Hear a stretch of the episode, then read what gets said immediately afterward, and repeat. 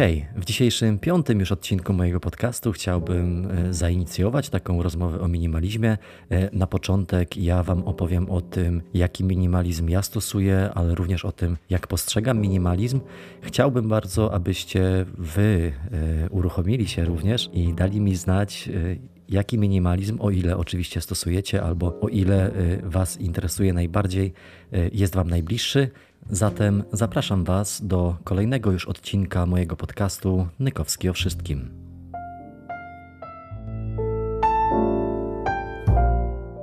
Ok, zaczniemy od krótkiej definicji tego, czym jest minimalizm. Minimalizm to ograniczenie do minimum wymagań, potrzeb, dążeń. Żartowałem. E, tą definicję możemy sobie pominąć, ponieważ według mnie e, każdy może postrzegać minimalizm e, tak, jak mu się podoba. Ale w dzisiejszym odcinku chciałbym Wam opowiedzieć o tym, jak wygląda mój minimalizm.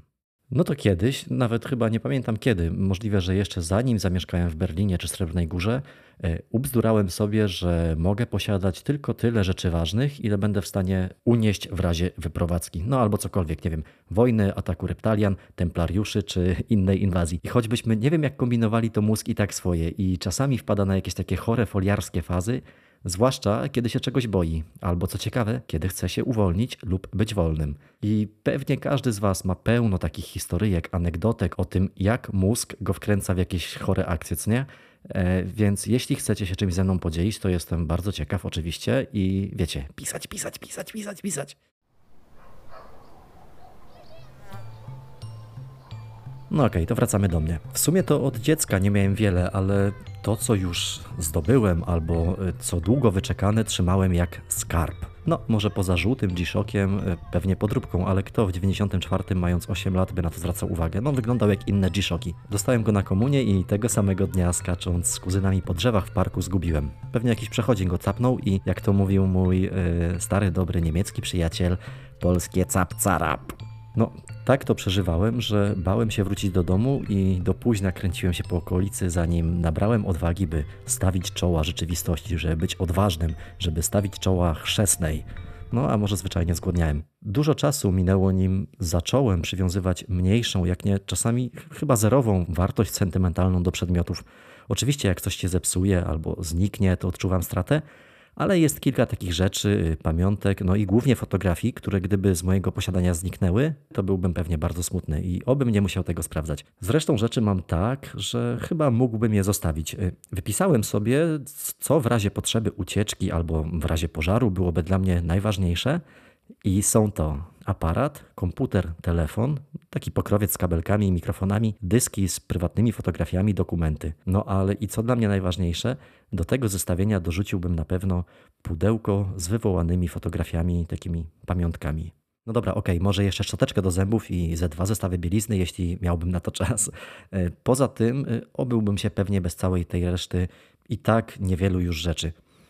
W trakcie ucieczki przed wojną zabrałbym tablet, telefon, komputer, powerbank, dokumenty, no i te zdjęcia. No bo kto w razie globalnego konfliktu próbowałby przytroczyć do plecaka zastawę stołową? Fakt, kiedyś tak się robiło? Albo tutaj, tylko dla przykładu, blender.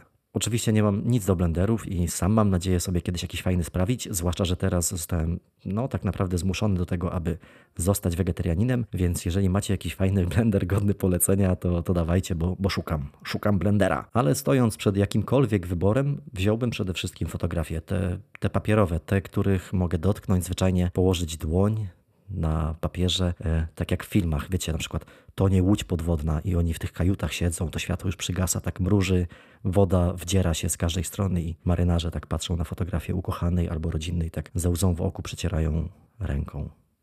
Wiecie, o jaki klimat mi chodzi? No, wszyscy na pewno widzieliście takie, takie kadry, jak nie na łodzi podwodnej, to pewnie w innych przypadkach. E, co ciekawe, wczoraj albo teraz, jak publikuję ten odcinek, to przedwczoraj, e, umieściłem na Instagramie takie pytanie, co byście ze sobą zabrali, gdybyście musieli szybko uciekać z domu, gdyby na przykład wydarzył się u was pożar, albo co byście zabrali, gdyby wydarzyła się wojna? W tym momencie, tak tylko informacyjnie, y, pozwolę sobie y, wymienić, jakie odpowiedzi padały najczęściej. Mm, więc w sytuacji pożaru albo ucieczki.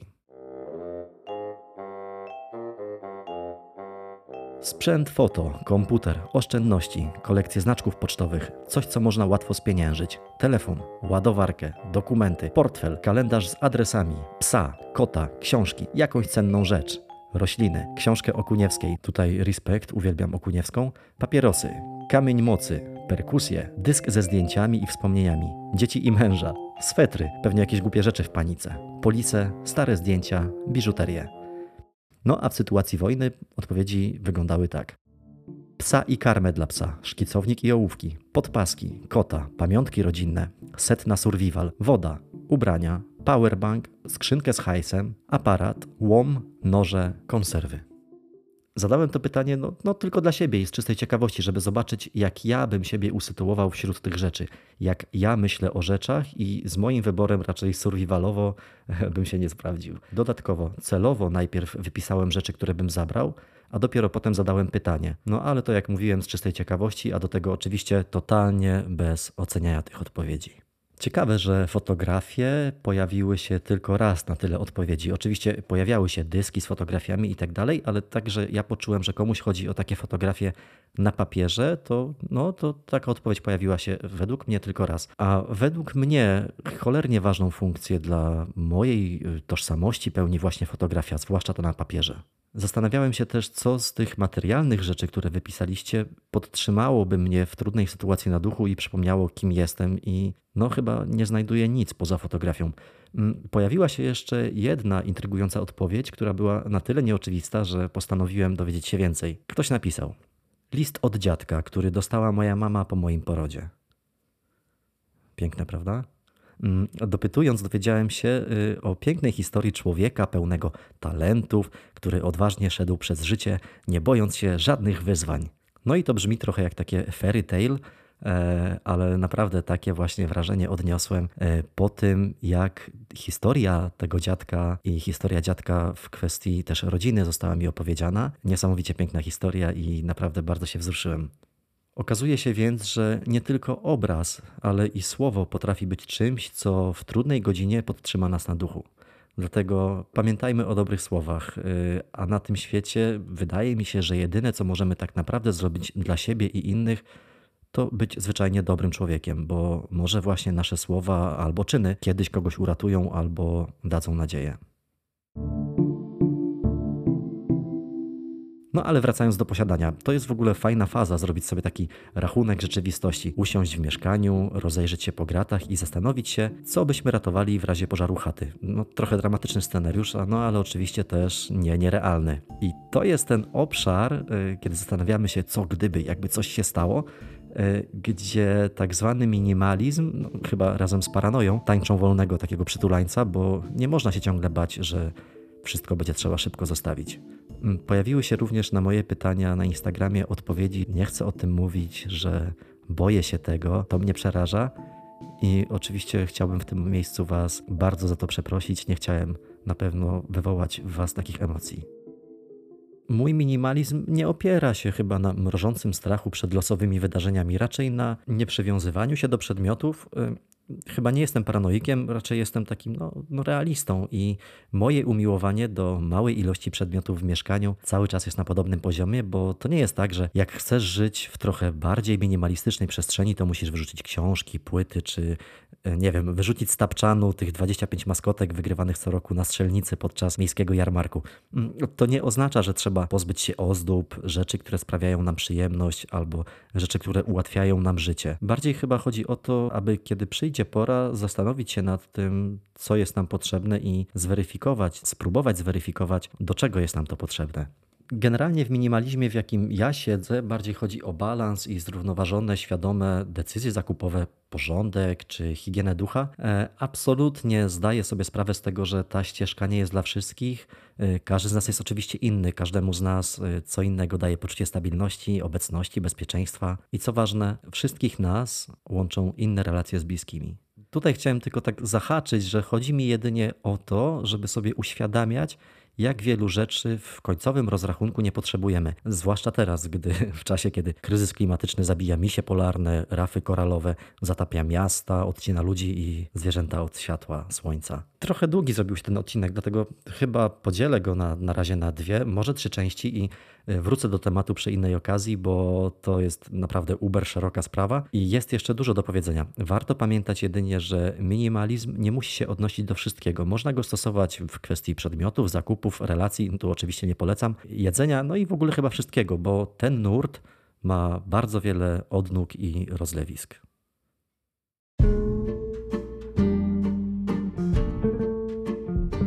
Dziękuję Wam bardzo serdecznie za wysłuchanie tego kolejnego odcinka mojego podcastu. Ja się z Wami powoli żegnam. E, zapraszam oczywiście do odzywania się do mnie, czy na Instagramie, czy na Facebooku, czy, czy na mailu. Podałem swój adres mailowy w którymś wcześniejszym odcinku, nie powiem w którym, więc jeżeli chcecie go znać, musicie go odsłuchać. Nie ma ich póki co wiele, więc powinniście łatwo znaleźć. A ja tymczasem żegnam się z Wami i do usłyszenia. A zapomniałbym jeszcze jedna rzecz bardzo ważna. Po ostatnim odcinku dostałem informację, że ktoś z Was był zawiedziony. Mhm, zawiedziony. A wiecie dlaczego? Bo na koniec odcinka nie poleciłem żadnego utworu. Tutaj chciałbym się wytłumaczyć. e, Byłem tak zafrasowany tym wszystkim, że po prostu zwyczajnie zapomniałem. E, W każdym razie z tej okazji chciałbym polecić dzisiaj dwa utwory, które są w moim repertuarze muzycznym od dłuższego czasu i słucham ich regularnie na tej małej białej wieży, na białej półce pomiędzy kilkoma książkami. A są to utwory Till It's Over Anderson Paak oraz Never Change w wykonaniu Obongiayar.